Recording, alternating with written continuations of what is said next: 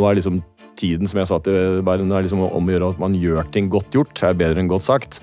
Så liksom vi er forbi dette her at man snakker om bærekraft. Nå må man også gjøre mye mer da, som selskap. Velkommen til niende episode av Subscription Talks. Godt gjort er bedre enn godt sagt, har vi kalt dagens episode. Og vi skal snakke om bærekraft, vi skal snakke om sirkulærøkonomi, vi skal snakke om nye forretningsmodeller, og hvorfor det av og til er så innmari vanskelig å få til endringer, både i næringslivet og på privatplan. Men med meg i dag for å snakke om dette har jeg Pål Vibe og medvert og kollega Nadia Storhaug. Pål er investor og rådgiver, og er også tidligere leder av XXL, Europris, Nille og Travel Retail. Og han er også mannen bak tittelen til denne episoden, Godt gjort er bedre enn godt sagt. Velkommen til Leipold. Takk for det. takk for det. Men før vi starter eh, vår samtale rundt dagens tema, har vi en tradisjon om å spørre om hva som er ditt favorittabonnement, og hvorfor. Oi, eh, hvor lenge kan vi holde på? Jeg, altså, hvis du skal gå litt tilbake sånn offline-verden, så er jeg faktisk Jeg har vært eh, abonnement på Economist, altså det magasinet Economist nå i snart 30 år. Tror jeg nesten uavbrutt, så det, er, det må en snart få en medalje for. I den digitale verden så tror jeg liksom at uten Spotify, som jeg ble med i 2009, og Audible, så tror jeg liksom at jeg ville slite. Så det er kanskje de, de abonnementene, altså sånn ja, abonnementstjenestene jeg bruker mest. Og det er jo superinteressant. Spesielt Economist har jeg også veldig sans for. En ting er innholdet, men de har også vært veldig flinke på nye inntektsstemmer. Ja, og de har altså podkaster, de har livecaster, eh, ikke sant? så det, de gjør mye mer enn bare den papirutgaven. Da, kan du, si. du kan til og med kjøpe konsulenttjenester av dem. Det kan du også. Og landrapporter. Nei, de er superflinke. Eh, Nadia, har du noe favorittabonnement? Det er så gøy, jeg blir utfordra på det her uh, hver gang. Men uh, jo, nå har jeg faktisk et nytt fra sist. Jeg bor jo midt i Oslo sentrum her, eh, og det å komme hjem fra jobb og eventuelt skal handle inn til middag, sånn, syns jeg kan være litt stress når alle andre er i kø på butikkene. Så jeg er en eh, fæl innkjøper på disse leveringstjenestene som Foodora og Volt. Først var jeg ganske lojal mot Foodora, men så kom Volt her for et halvårs tid siden med deres eh, Volt pluss-abonnement, som jeg kan gjenkjennes litt til det vi kaller for paid loyalty. Eh, så 99 kroner i måneden der, så får jeg jo nå en gratis eh, levering på det jeg bestiller, gitt jeg et tak på kostnadene, men den er jo også da betraktelig lavere enn det det er for de som er inne åpent. Så det, det er et abonnement jeg er hyppig bruker av, og jeg får jo også sett hvor mye jeg har spart siste tida. Jeg tror jeg har spart en sånn 1000 kroner på et par måneder. Så fornøyd med det. Mm. Mye kjøp. Yes. Det som vi, Bakgrunnen for at vi sitter her i dag, det er jo at uh, hele samfunnet er jo i en fase hvor vi kanskje har erkjenner alle sammen, også folk på min alder, at noe må skje. Uh, vi, må, vi kan ikke fortsette å ha det samme konsumsjonsmønsteret som vi alltid har hatt. Og vi kommer inn i en periode med mye endringer. Og ikke nok med det, så kommer det også en god del endringer, og det kommer ting fra EU som kommer til å påvirke oss uh, mye.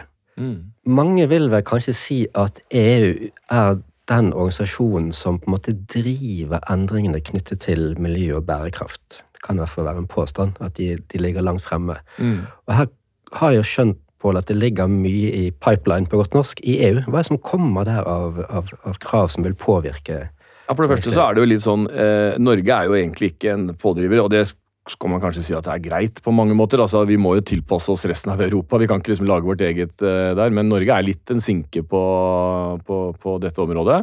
EU er en enorm pådriver. Det kommer et, altså et utrolig mengde med, med, direktiv og retningslinjer fra EU som Norge uh, implementerer. Det, noe av det aller viktigste er noe som vi kaller CSRD som går egentlig det på liksom krav til eh, produsentene på rapportering av hvordan de påvirker det ytre miljøet, og hvordan det ytre miljøet påvirker eh, altså risikoen til selskapet. Da.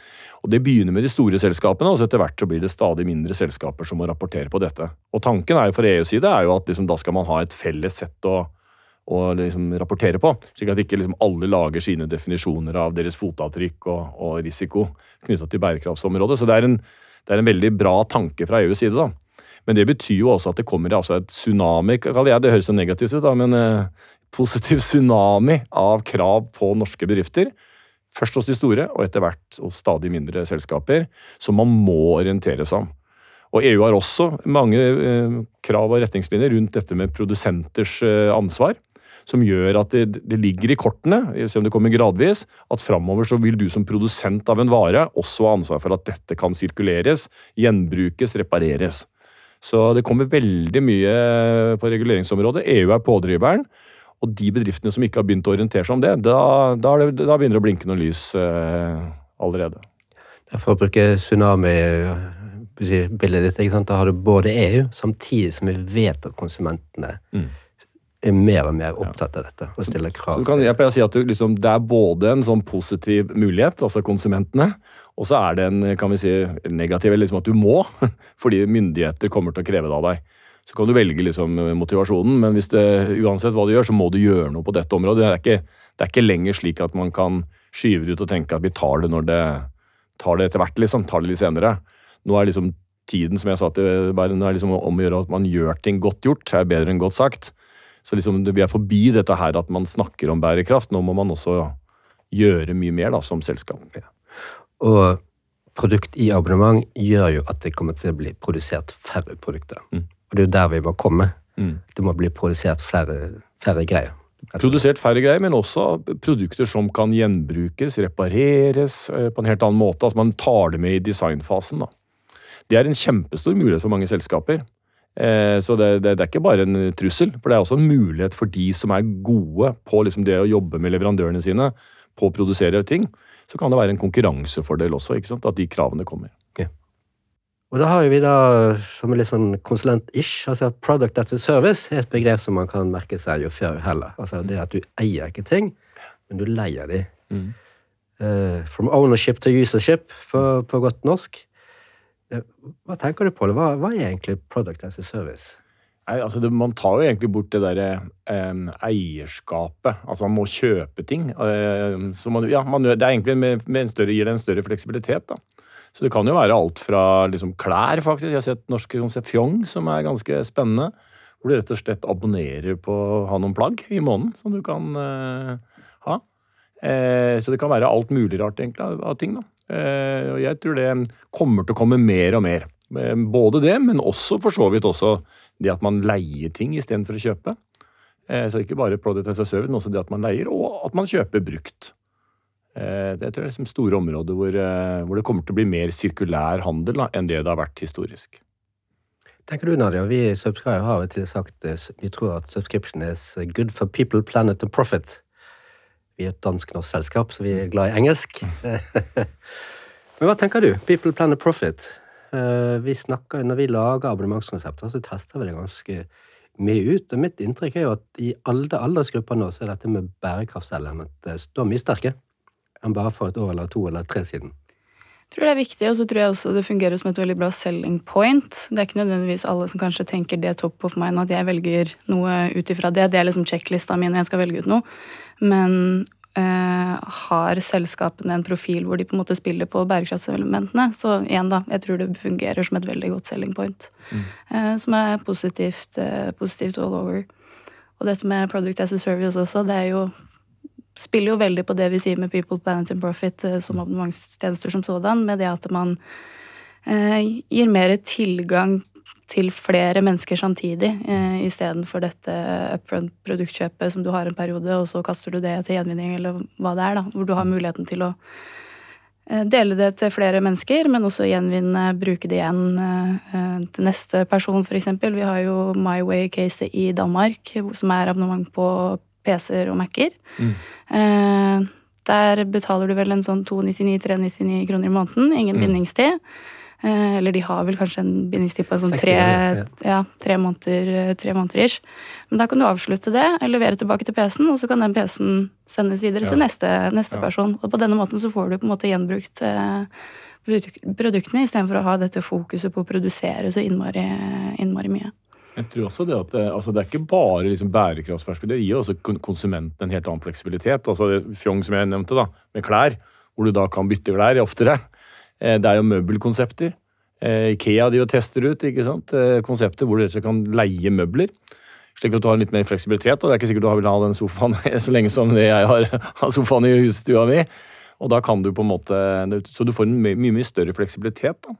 Og for en del så tar det også ned kapitalutlegget, altså initielle kapitalutlegget da, for, eh, for kunden. Så det er mange gode grunner, da. Men det vi av og til får spørsmål om, det er jo sånn Er det noe penger i dette? Altså, Er ikke det bedre å få selge Mac-en og få pengene med en gang? Jeg, altså jeg tror eh, Det er mye penger å tjene på å selge ting òg, eh, men, men, jeg tror stadig med at flinke aktører viser jo også at du kan eh, tjene vel så mye på det, om det er product as a service eller om det er å leie ting. da. Så altså, Jeg har noen bakgrunn fra sportsbransjen, og det er klart at det skal ikke så en sånn Fjellski, for eksempel, altså skal ikke bruke, leie det så mange ganger ut så mange ganger før du har tjent mer penger enn, enn å selge en, et par fjellski. da. Så jeg tror det er i ferd med å forandre seg, og at folk jobber med modellene som skal, eh, som skal gjøre det mer lønnsomt. da. Så eh, det er nok rett, men samtidig en myte som står for fall. Ja, jeg syns det er spennende, for jeg, i mitt tidligere liv så var jeg i softwarebransjen og solgte lisenser. Mm. Jeg tror du enten fikk kanskje for meg fysisk DVD eller et eller annet. Ikke? Mm. Og nå er det Software as a Service, som er jo usership og mm. tilgang til. sant? Og der ser du jo det, hvor har veksten kommet, f.eks. hos Microsoft. Mm. Det er jo etter at de begynte å ha det som en tjeneste ja. istedenfor å selge produkter. Ja. Så det er jo det optimismen i det. altså Det som du sier, du får vekk uh, I good old days, for ti år siden, skulle starte en ny virksomhet, kanskje 20 000-30 000 lisenser til Microsoft. Og nå tror jeg en sånn Office-pakke koster mye da, 80 kroner sånn, i måneden. Ja, i måneden. Ja. Og det er jo bra. Altså Det er bra for Microsoft, for de har fått en ekstrem inntektsvekst på det. Mm. Og det er bra for oss som starter opp ting. At vi slipper å binde opp 30 000 i, ja. I Powerpoint og Excel, liksom. Ja. Som egentlig er meningsløst. Mm. Og så tror jeg også det at eh, altså Software as a service er i den bransjen så er jo det liksom, SAS-inntekter er jo veldig populært. Det har vært et veldig populært konsept. da. Vi ser jo det også, det er ikke bare små selskaper. Jeg nevnte Ikea på møbler, sant, som begynner å, å, å teste ut modeller. da. Vi har et annet eksempel som kanskje er enda større. Synsam, som er jo egentlig ledende innenfor altså briller og optikk. Og som da er en av de store aktørene der, og som eh, er jo et av de mest vellykkede selskapene, retail-selskapene i Norden. Er på børsen og går så det griner. Og har jo lansert en abonnementsmodell som er utrolig eh, suksessrik og lønnsom. Så jeg tror liksom det, det, er ikke eh, Det er en myte også at mange tenker at det er eh, de bare små kreative startups som starter dette her. De beste av de store selskapene begynner å teste ut de modellene. Og de viser også da egentlig at eh, det som ofte er en innsigelse mot det, er liksom at det blir ikke noe skala på det. Men eh, spør Synsam, jeg tror de er ganske fornøyde med abonnementsmodellen sin. Så det blir skala også på det, når man liksom bare har testet ut modellene, og så kjører ordentlig. Og det Synsam har jo nesten, eller ikke nesten, de har fått en halv million abonnenter i Norge, Sverige og Danmark. Ja. Utrolig imponerende. Som du, som du, sier, det er en av de store, og de rapporterer jo årsberetning sin subscription, altså recurring revenue, som en egen linje ja. i ja. årsselskapet. Og det er også fordi at abonnementskapet er verdi for eierne. Klart Hvis du selger et uh, selskap, og de har 500 000 abonnenter, versus at du har ingen, mm. så klart du skal ha en høyere verdi for abonnementsselskapene. Tror jeg det er en fordel å tenke på dette med livstidsverdi hos eh, kunden også, når du får inn. Er, eh, når du har de på abonnement, så er det ikke bare snakk om det ene kjøpet, du har de allerede inne. Mm. Så neste gang de må oppgradere f.eks. brillene sine, mm. eller de må ta en synsjekk, eller noe sånt, så da er det jo committa til å gå til deg. Um, ikke et annet sted. Det er et veldig godt poeng. og jeg tror også, Jeg satt og hørte på en av de startupene som jobber med, med altså, dette service og dette med å leie ut. ikke sant? Det man ofte undervurderer som retailer, da, er jo at hvis du leier noe eller har en, en, tjeneste, så har du mange flere eh, møter med kunden enn om du bare selger et par ski og så ikke ser det på mange år. Eh, og hvis du er flink i de møtene der, så skaper du både lojalitet og mange muligheter for eh, mersalg og oppsalg og kryssalg.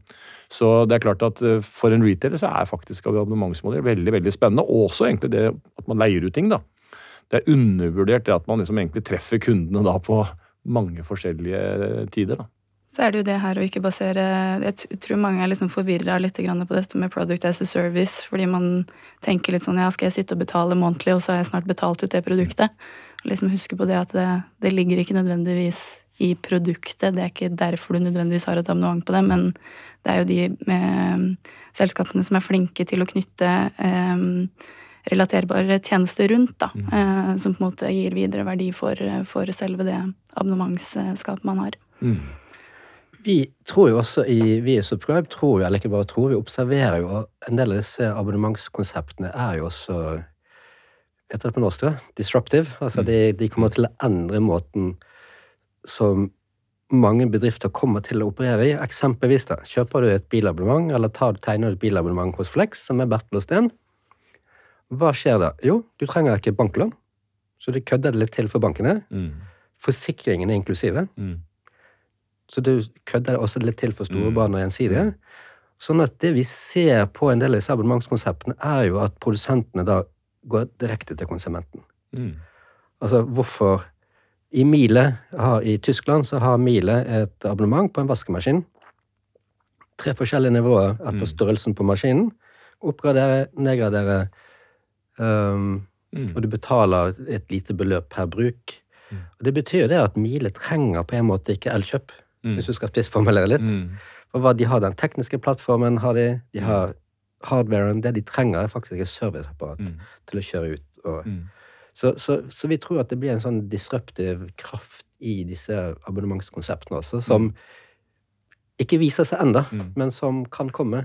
Og det, og det, jo, Hvis vi går tilbake og tar kontrasten til Synsam, som har sett det, og som også selger ikke sant, merkebriller, ikke sant, men som da ikke venter på at eh, merkevarene skal disrupte og gå forbi dem og gå til kundene, men da lager et abonnementskonsept, slik at kundene bindes til Synsam og ikke til, til andre. da. Så da er man på en måte liksom litt føre var da, på en måte, i, med å eh, redefinere forretningsmodellen sin. Og Det syns jeg er interessant, ikke sant, det med redefinere forretningsmodell. fordi at hvis vi bruker syn som eksempel, for jeg synes det vi ofte sier når vi arbeider med bedrifter som vil ha et fysisk produkt som en tjeneste, mm. det er som lag det til en serviceopplevelse. Mm. Altså ikke, For det skaper nye inntektsstrømmer. Eller det skaper en grunn til at det blir værende.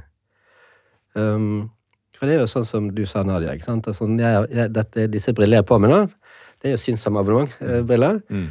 Og de er jo ikke Og det er forskjell på leasingabonnement. Dette er evigvarende. Mm. Altså, mm. Dette er ikke sånn etter to år så er det nedbetalt. Dette er mm. evigvarende. Og det er jo tjenestene. Mm. Hva inngår her? Jo, jeg får gratis um, synstest. De skifter glassene mine gratis hvis synet endrer seg. Mm. Jeg får uh, pussekluter og rensemidler gud vet hva jeg får. Mm. Og når jeg rygget over ene brilleparet mitt, som jeg gjorde, med bilen, så er de forsikret. Mm. Og det er, jo det, det er jo reason to stay, som vi sier hos oss. da. Og så får de mange eh, punkter underveis. Liksom, Istedenfor at de solgte den brillen til, og så fem år senere så kommer du og syns at nå begynner synet å bli så dårlig at jeg må ha nye. Så har de mange eh, punkter hvor de snakker med deg i hele den perioden. Du kan komme innom som du sier, og hente utstyr eller andre ting. da. Eh, så jeg tror det er på en måte en veldig veldig smart måte. Det, og det er kanskje det største eksempelet i skala, da, på en måte. men det viser jo egentlig bare at det er, ligger et uforløst potensial der. Særlig, tror jeg, da, eh, hos, på produkter som koster litt. For Det begynner jo ofte der. ikke sant? Altså at Det er lettere å gjøre dette på varer som koster eh, Hvis en vare koster 20 kroner, så er det litt vanskeligere å lage en abonnementsmodell. Men, men koster varene i utgangspunktet flere tusen kroner, så er det, tror jeg, da, et større potensial for å lage den type løsninger. Ja, vi deler den vurderingen. for det er også Spesielt sånn som når altså, sånn folk får Kjøpekraften blir på en måte inndratt da, gjennom mm. prisøkninger og mm. økte renter. Mm. Og Det er klart det at det å, å ta en elsykkel til 40 000 kroner mm. ble kanskje litt vanskelig. Mm. Å si at men du, jeg tar det der elsykkelabonnementet til, mm. til x antall 300-400 kroner måneden. Mm. Og du kan komme inn og du kan komme ut. Du, du er fleksibel, sant? Ja. Enklere å komme hjem og fortelle du har tatt det elsykkelabonnementet enn at uh, ja, eller hvis du da liksom mange har kanskje dratt opp på kredittkortgjelda og liksom betaler dyre renter liksom, for å finansiere kjøp av en sånn sykkel, da. Istedenfor et abonnement som er en helt annen måte å kunne bære. Da. Så det er fornuftig. Dette med finansiering internt hos bedriftene også, for jeg føler det ofte er en sånn diskusjon eh, hvis det er eh, folk som tenker å snuse litt på den modellen. da. Eh, si eksempel eh, kanskje vi skal teste ut å ha noe abonnement på vaskemaskiner eller tørketromler. Um, så er det jo dette med skal vi, ta, skal vi da som uh, leverandør eller forhandler ta ansvaret for den risikoen uh, i forhold til innkjøpet av disse varene? For vi får jo vi får ikke denne upfront-kosten og får betalt det med en gang. Mm. Dette blir jo kostnader som på en måte blir fordelt ut på sikt. Mm. Um, Har du noen tanker i forhold til det, når eh, disse som sitter og tenker på den utfordringa med hvordan skal vi liksom hvordan skal risikofordelinga være her? Skal vi bare satse på å gjøre det, eller burde vi få med oss en finansieringspartner, eller ja.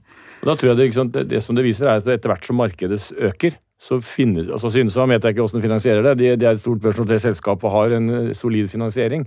Men det er klart at det finnes jo banker og finansieringsinstitusjoner nå som kan tilby deg da å på en måte finansiere dette. For det, det er som du sier, det er jo da da blir jo på en måte den som tilbyr dette her, er jo da up front en investering som de så får inntektsstrømmer på.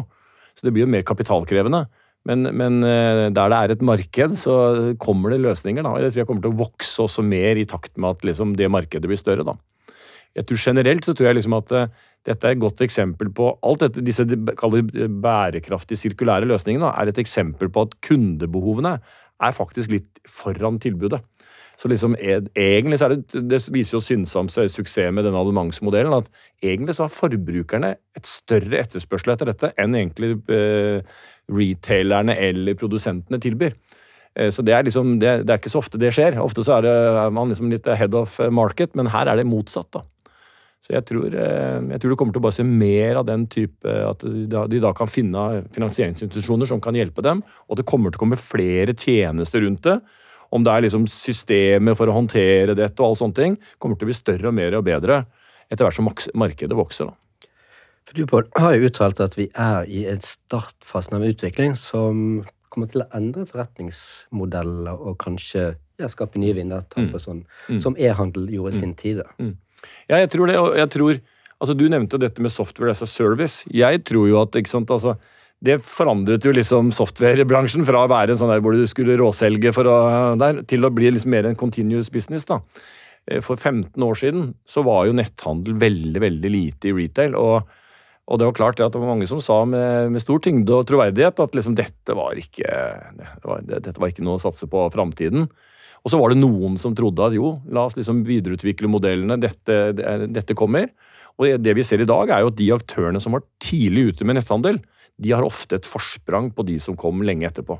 Så jeg jobbet i XXL, og noen av de som var lenge før jeg kom inn i XXL, de var veldig flinke på at de så det at netthandel innenfor sport det var kommet for å bli, og var tidlig ute på å satse på det. Og Det forspranget har XXL i dag. I dag så selger XXL sportsvarer på nett for over 2,5 milliarder kroner. Og Det er klart det er ingen andre liksom, som er i nærheten av de tradisjonelle aktørene på øh, å være på det nivået. For de klarer egentlig ikke å ta igjen da, på en måte det første som man godt norsk sier first mover advantage, da, som, som, XXL og andre som var tidlig ute. da, på en måte. Så Det tror jeg det kommer til å gjelde på det med sirkulære tjenester, om det er product as a service, om det er leie, om det er salg av brukt. At de som er ute tidlig og tester ut og prøver ut modellene, og får erfaring og skala, de kommer til å ha et forsprang som gjør at de løper foran eh, lang tid. Og når markedet blir stort, så blir det mye penger på det.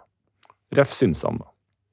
Vi observerer litt av det samme, for det at uh, vi har holdt på i syv år nå i Subscribe i Norge, og vi så i starten og vi snakket om abonnement, så, så vi fikk jo noen møter, altså, men de var sånn Kan ikke du gå Jon og snakke med en avis eller et blad? eller, mm. ikke sant? Og det som har skjedd på så kort tid, egentlig, altså hvor bilbransjen er verdi for det. altså Virkelig har fått uh, vært utrolig tilpasningsdyktig. Mm. Altså med Volvo Car, med Flex, med Hyre, med bilkollektivet. Mm. Altså det har vært en, så jeg syns jo bilbransjen har vært de som faktisk har gått helt i, mm. i spissen. Og så har vi sett det, som, som du sier også, at, at vi, vår opplevelse at konsumentene er veldig interessert i det. Mm. Ja, men klart de vil ha dette, for de mm. ser fordeler i litt mindre cash-utlegg og mm. litt mer fleksibilitet og sånn. Og så kommer bærekraftselementet. Mm. Men det er spennende det vi ser nå, for nå har jo faktisk Warner-gruppen uh, gått inn i Parkdressen, som er et parkdressabonnement, og gitt de distribusjon gjennom mm. Cubus uh, Friends, tror jeg den klubben heter. Ja. Så Hvis du er med Cubus Friends, så har du tilgang til abonnementet på 129 ja. kroner måneden. Jeg vet det er flere som jobber med den type ting, og jeg tror de altså Det begynner jo ofte med biler, er en ganske stort kapitalutlegg, som jeg sa. så Denne kapitalvareteorien min, da. Jeg tror liksom at det som skjer når markedet blir mer modent og, man, og kundene blir vantere og man får mer erfaring, er at det, det, går nedover i prispunkter. Slik at det blir stadig rimeligere prisede varer som, som på en måte egner seg for uh, abonnementsmodeller, hvor folk tester ut. da. Så jeg tror det bare er spørsmål om tid. Og da er det klart at for mange som sitter at Bilbransjen er ikke nødvendigvis kjent for å være sånn i utgangspunktet, iallfall før Tesla, så var det liksom ikke en verdens mest eh, innovative, nyskapende bransje. Men når da en sånn bransje kan bli disrupta på så kort tid, også være flinke til å liksom videreutvikle modellen, så tror jeg det er et lite varsko for mange andre da, i andre sektorer som sier at det kommer ikke til oss. At man må begynne å være tidlig ute og teste ut. Og man trenger? Det, det finnes smarte måter å teste på, slik at man liksom kan få erfaring eh, og finne ut hvilke type produkter og løsninger man skal ha i sin bransje. For hva tenker du i henhold til testing på disse store selskapene, som gjerne kanskje er bygd opp av en ganske sånn massiv eh, kjettingkultur, nesten, på en måte, i systemer og alt mulig. Eh, hvordan ville du tenkt at det hadde vært best mulig for de å kanskje se litt på den modellen her, da, sett i hvordan de har i dag? Nei, altså jeg tror Det er veldig sånn, det er jo sånn det er at store selskaper de får jo skala og lønnsomhet ved å drive effektivt. Eh, og Da er det litt sånn selvmotsigende at man skal ha en gjeng som skal prøve å eksperimentere og teste ut. Jeg har jo sagt tidligere at jeg tror det er veldig viktig å teste ut i småskala før man liksom ruller et brett. Så hvis, hvis, du skal kjøre ut sånne type konsepter som det vi snakker om nå, så det dummeste du gjør, er jo liksom tilby det i alle butikker i hele landet liksom fra dag to. Du skal teste det ut i, i noen få geografiske områder, men kanskje store konsumentgrupper hvor du tror at er, målgruppa er, er, stor. da. Og så skal du gjøre det i et liten enhet. Eh, ikke bruke for mye penger. Eh, jeg pleier også å si at veldig mange, altså Du trenger ikke å ha systemene rundt trenger du ikke nødvendigvis å utvikle sjøl. For det finnes jo aktører, enten det er finansiering eller abonnementsløsninger. Så det finnes flere aktører nå du kan bruke, slik at du kan bruke energien på å lage det si, konseptet ut mot kunde, da, og, og liksom ha dialogen mot kunde. Og så tror jeg veldig mange oppdager at liksom, lønnsomheten ligger jo i logistikken bak. Så det der å både få skala, men også få effektive løsninger for å håndtere logistikken rundt det. da. Og det er det du må jobbe med å bruke energien din på, og ikke liksom å lage en eh, software som skal administrere dette her eh, fra dag én. Og da er det ofte slik at i store selskaper så er det lurt å liksom eh, ha en mindre gruppe som jobber litt uavhengig av det, da, på en måte. Men som, er, men som, må ha tilgang til noen butikker og noen deler av systemet, slik at de liksom får nok eh, oppmerksomhet. De store er jo store og av og til litt sånn tangskip. Det tar litt tid mm. før man endrer mm. kursen, og, og, det tar lang tid både å starte og, mm å stoppe. Så jeg deler jo det en vurdering på. Det var jo sånn i, for lenge lenge siden man gjorde på Finn. Mm. Altså Man tok Finn ja, ja. ut av Aftenposten og Skipsted. Uten det så tror jeg det hadde dødd. Ja. Og jeg vet jo det at jeg snakket med Flex helt i starten, og da var det jo tre-fire stykker som satt i en krok på, på Betlesten. Og hadde fått i oppgave å lage liksom det beste bilabonnementet.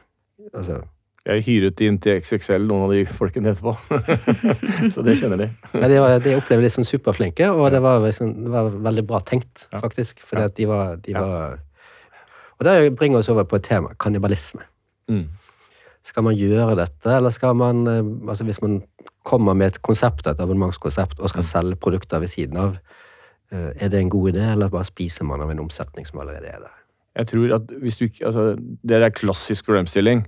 Og jeg tror det største faren er at hvis du tenker sånn, så kommer noen andre til å lage løsningen og spise deg. Så du kan velge om du skal spise deg sjøl, eller om, om, andre skal spise deg. Det er mye mer behagelig å spise deg sjøl enn, enn, å bli spist av andre.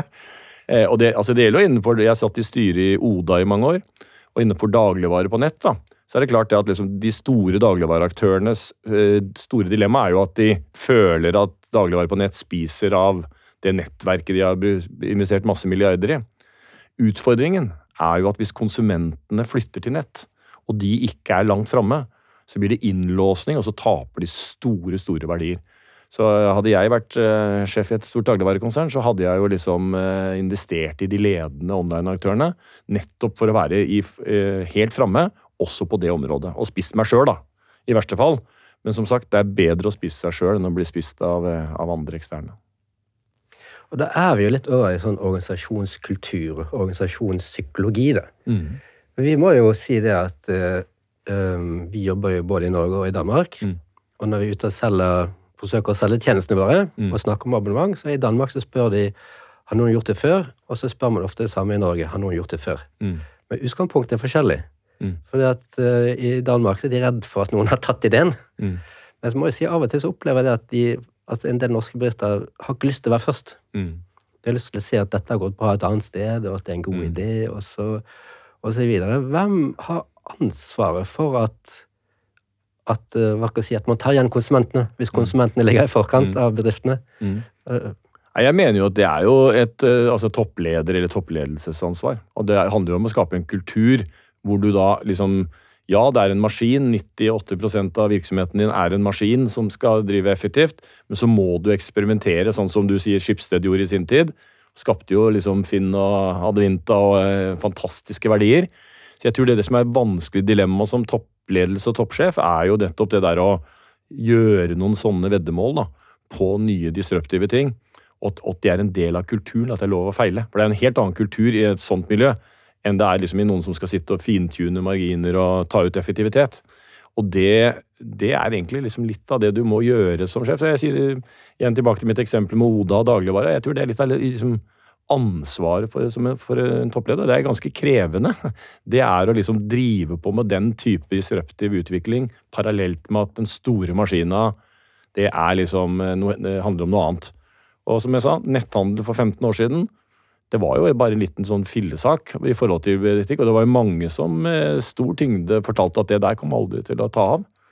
Eh, og de, de, de, ser litt, det ser litt dumt ut i dag. Eh, og jeg tror også at produkt som en tjeneste og sirkulære løsninger, da, at det også vil vise seg liksom å være mye, mye større om noen år. Og da er det dumt å på en måte være, være den som sa at eh, dette tror vi ikke på, så vi venter til det blir stort. Det er superinteressant, ja, altså, virkelig. For folk spør også av og til Jon Erik, altså, hva er din største konkurrent? Er det PwC? Altså, er det? Og da sier jeg at det er driften. Mm. Det er driften ja. som er vår største konkurrent. For det at uh, vi snakker med mange, og, og, veldig mange er interessert i modellen og ser potensialet. Ja. Men så kommer det Black Friday og nytt CRM-system og mye things, things to do. Det, og det er derfor jeg tror det er veldig viktig at, liksom at toppledelsen må holde sin hånd I XXL så var det jo liksom Fredrik Stenbukk som var sjef, da, som holdt sin lille hånd over nettbusinessen. For rett og slett, jeg tror du, liksom, det, det, kan ikke, det har ikke nok tyngde, eh, selvsagt, til å liksom eh, kunne slå fra seg da, internt. Hvis det ikke er noen som beskytter det litt. da, Den type utvikling. Du skal stille krav til det, men med en annen type krav enn du gjør til kjerneforretningen. da. Så det tror jeg er eh, ekstra viktig. Det er superinteressant. Det er jo igjen, hvis man skal bruke analogien, det er Kjell Aamodt og uh, Nagel Eriksen. Ja. De to sammen. Ja. Som, som, uh, som, holdt sin hånd over det. Og, gjennom, og nå er det dårlige tider, og da er folk opptatt av kostnadskutt. Og, eh, og da er det liksom sånn det er, og det er jo veldig riktig, altså, så misforstå meg rett. 80-90% av energien skal gå med til kostnadskutt og effektivisering og overleve og bevare lønnsomheten. Men du må selv i litt dårlige tider så må du så noen frø som skal bli store i framtida. Eh, og Det tror jeg er liksom litt av faren, at folk går litt som i en saueflokk. At liksom eh, Nå er det bare det. 100% fokus på det. Om to-tre år så blir det liksom eh, blir det mer fokus på det, men da er du midt i saueflokken, og da kommer du aldri først fram, da, hvis du går midt i en flokk. Nei, men Jon Erik, det er litt sånn som du snakka om, at vi ofte blir stoppa av driften, egentlig, når vi er inne på prosjekter hos kunder rundt denne modellen. Og jeg kan jo på en måte forstå litt at et element som ligger i det også, er jo det at eh, cashflowen går jo veldig ofte av den driften de holder på allerede. Der kommer Black Friday eller eh, storsalget eller hva de kampanjene de har på. Eh, og så er alternativet sitt om ikke med en ny løsning som man ser at investeringsgraden er ganske høy, tilsynelatende på en måte før man opplever den cashbacken på, på lengre sikt. Um, så jeg tenker det ville vært liksom interessant å få gripe i han når man tenker på endringskultur og liksom endringsledelse internt. Da, hvordan kanskje få folk til å forstå også at eh, ja, det er en investeringsgrad her. Det er litt sånn hockeystick. Det går litt nedover først før vi på en måte ser stjernene i det fjerne. Uh, men hvordan på en måte fremme på en måte verdien som kommer på sikt, da. Mm. Uh, rundt det. Vi har jo intervjuet noen av kundene våre som har gått i abonnement. Altså, mm. En del av de også store bedrifter, altså milliardvirksomheter. Så vi spurte gi noe råd til andre som har tenkt på det samme. Så sier alle, eller de sier ok, det første du skal starte med kunder og marked. Det er fint. Så sier alle uten unntak nummer to du må starte med in organisasjonen internt. Mm. For Hvis du ikke får den med deg, så er du død. Mm. Og det er jo akkurat det at kalkylene blir forskjellige. Sant? For hvis, jeg, hvis vi skal bruke brilleeksempler jeg går inn til Krog, kjøper brillene mine, de får pengene, jeg går ut. Mm. Mens kalkylen er jo annerledes, fordi at i et abonnement så har egentlig da kundeforholdet akkurat startet idet du får mm. produktet. Og det skal vare i to år, tre år, fire år, fem år, seks mm. år. Sånn at kalkylen blir forskjellig. Og det må organisasjonen skjønne, sånn at folk blir motivert til å si du, dette er investeringen her, men den som står i kassen eller i butikken, må liksom skjønne det at grunnen til at vi selger dette abonnementet, det er at disse skal være kunder hos lenge. Og at det gir oss mange kontaktpunkter hvor vi kan selge mer, og hvor vi kan få en sterkere relasjon og lojalitet fra kundene. Jeg tror det handler veldig mye om det som er toppledelsens store ansvar. forklare. Jeg pleier å si at hvis du forklarer folk hvorfor man må gjøre ting, så er det større sjanse for at de gjør det. Så jeg tror det handler om at man også må bruke litt tid rett og slett på det, noe av det vi har snakket om i dag. da for å forklare at liksom kundenes behov endrer seg. Kundene ønsker på en måte nye løsninger, og vi må være med å liksom bygge den lojaliteten. da. Og så blir, som du sier, Nadia, så blir eh, liksom, kontantstrømmen blir veldig annerledes. Men i det lange løp eh, så på en måte blir det eh, ofte mer lønnsomt, og refte tilbake igjen til Sinnsam-eksempelet. Det er jo mer lønnsomt med abonnementsmodellene.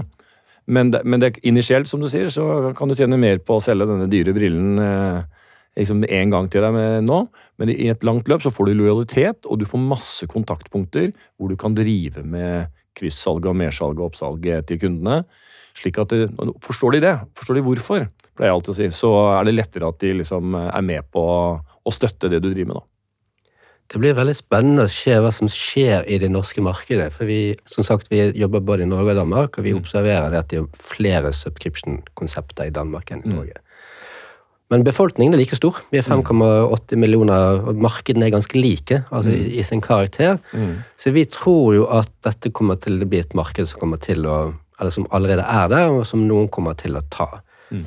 Og Så blir det spennende å se hvem blir first mover, så hvem eh, ja. står igjen. I optikkbransjen så var det Synsam, og så får vi se. Det er mange andre bransjer up for grabs, så det er bare å, bare å teste ut. Tusen takk, Pål, for at du kom. Takk for det.